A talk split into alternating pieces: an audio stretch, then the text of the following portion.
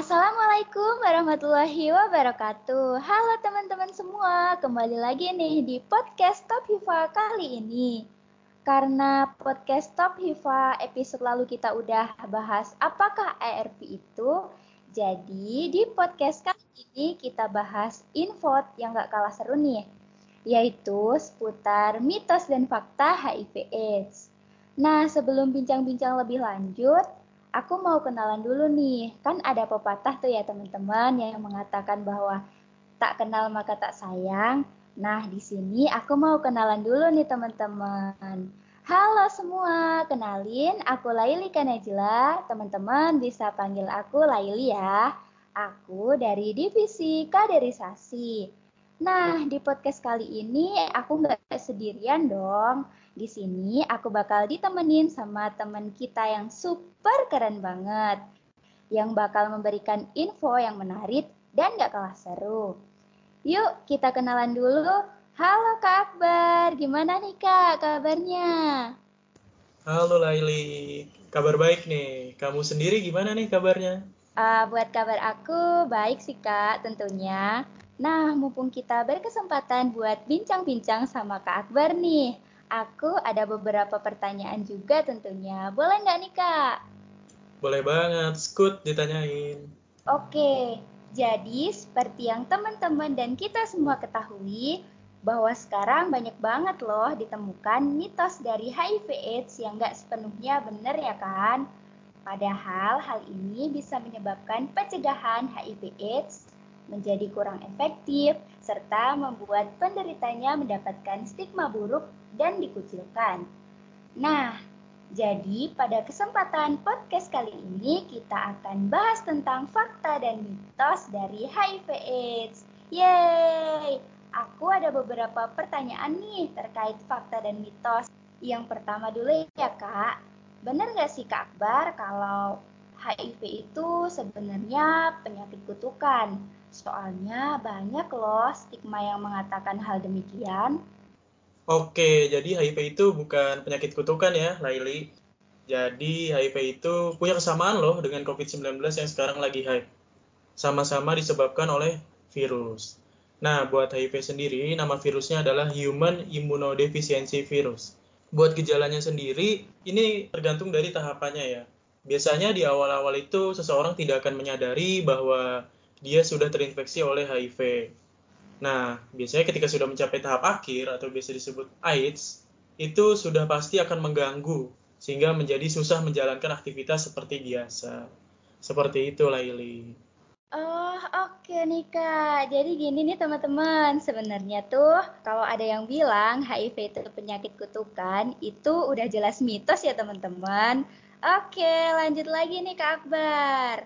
Aku pernah dengar nih, kalau orang yang terkena HIV itu hidupnya cuma sebentar ya kak. Kayak orang yang udah kena HIV itu bakal difonis mati gitu. Bener nggak sih kak? Wah nggak bener banget tuh. Nih aku samakan dengan COVID-19.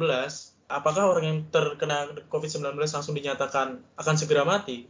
Kan tidak. Ada beberapa terapi atau pengobatan yang dilakukan untuk memperpanjang masa hidup. Sama halnya dengan HIV, sudah ditemukan obat yang namanya antiretroviral. Obat ini digunakan untuk menekan jumlah virus di dalam tubuh penderita. Ketika jumlah virus di dalam tubuh penderita sudah sangat sedikit atau sudah dalam batas aman sehingga tidak mengganggu aktivitas dari si penderita atau dalam tanda kutip tidak menimbulkan gejala. Nah, syaratnya adalah penggunaan obat retroviral ini harus rutin begitu, Laili. Wah, ternyata yang aku dengar selama ini salah ya, Kak. Oh iya, dengar-dengar nih Kak Akbar, HIV itu nggak bisa menular lewat kontak fisik loh, uh, ataupun lewat gigitan nyamuk. Kira-kira pernyataan itu benar nggak sih Kak Akbar? Nah, kali ini baru fakta.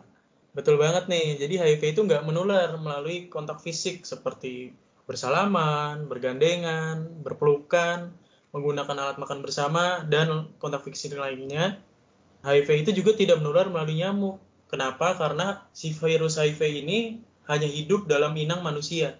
Ketika virusnya berpindah ke inang nyamuk, otomatis si virus ini akan nonaktif atau mati gitu. Jadi walaupun si nyamuk gigit orang lain yang dalam tanda kutip tidak menderita HIV, tidak akan menularkan gitu. Oke, akhirnya kita dapat fakta nih ya teman-teman. Faktanya bahwa HIV itu nggak bisa menular lewat kontak fisik aja, ataupun lewat gigitan nyamuk ya. Next, pertanyaan terakhir dari aku nih kak. Benar nggak sih kak Akbar kalau anak dari ibu yang terkena HIV itu pasti nanti mempunyai anak yang positif HIV juga? Wah, pernyataan itu mitos ya atau salah. Karena uh, tidak semua anak yang dilahirkan oleh ibu yang menderita HIV itu akan otomatis positif karena ada yang namanya PMTCT atau Prevention Mother to Child Transmission. Nah, program ini itu merupakan program pemerintah yang dilakukan untuk mencegah penularan virus HIV ibu kepada bayi sehingga bayi yang terlahir itu tidak positif HIV dan terselamatkan dari infeksi virus HIV. Begitu, Laili. Ah, keren banget nih jawaban dari Kak Akbar. Ternyata itu ya teman-teman terkait fakta dan mitos dari HIV AIDS. Makasih banget buat Kak Akbar atas informasinya.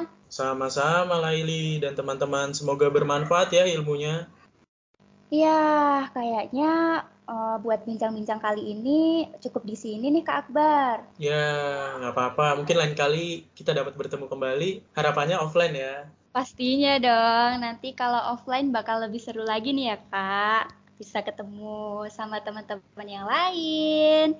Tapi eits, tapi teman-teman tuh jangan sedih dulu dong. Harus tetap nantikan podcast kita episode selanjutnya. Yang dijamin gak akan seru sama podcast kita kali ini. Sampai jumpa di podcast selanjutnya. Stay safe and healthy teman-teman semua.